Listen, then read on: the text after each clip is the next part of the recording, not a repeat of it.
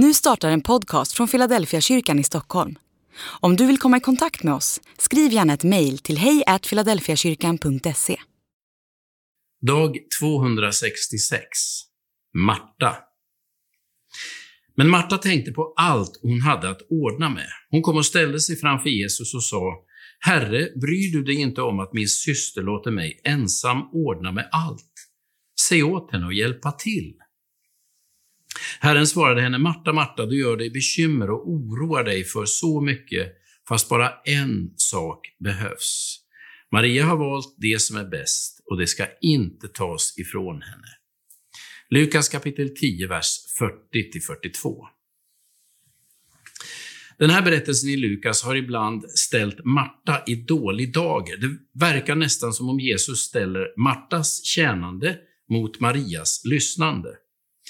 I så fall blir Maria föredömet och Marta problemet. Maria är den andligt sinnade och Marta den som tänker på det praktiska.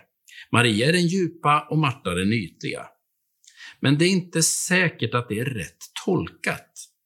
När Jesus säger till Marta att bara en sak behövs, så är den grekiska grundtexten inte helt enkel att översätta. Vi har, läst, vi har för det mesta läst orden som att de syftar på Maria. Hon är den som har valt den enda saken som behövs, medan Marta sysslade med fel saker. Men det finns, en, det finns en annan tolkning av Jesu ord. Han kanske inte syftade på Maria, utan på Marta. I så fall är Jesu ord av en ganska praktisk karaktär. Han säger helt enkelt till Marta att det räcker med en maträtt. Han behöver inte fler. Bara en sak behövs. I så fall är det inte en jämförelse mellan Marta och Maria, utan ett gott råd till Marta. Med andra ord säger han till Marta att hon ska begränsa sina arbetssatser, att hon inte behöver slita ihjäl sig för hans skull. Jag gillar det tolkningsalternativet. Jag har nämligen svårt att tro att praktisk omsorg inte tillhör det nödvändiga. Jag tror inte heller att man ska ställa praktiskt arbete mot andligt lyssnande. Det är en befriande tanke att Jesus faktiskt sätter en gräns för Martas arbete.